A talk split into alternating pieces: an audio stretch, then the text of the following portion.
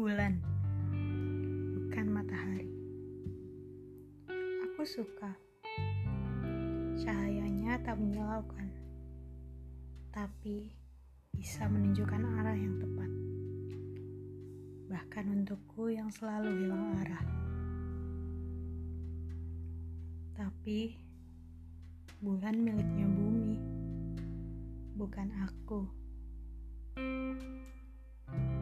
Bukan bulanku, bukan lagi matahariku tapi semestaku rasanya tak sama lagi setelah kamu hilang.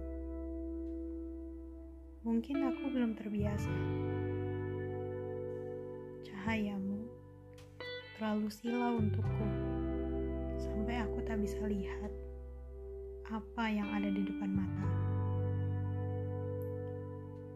Aku bahkan sudah tak ada di semestamu.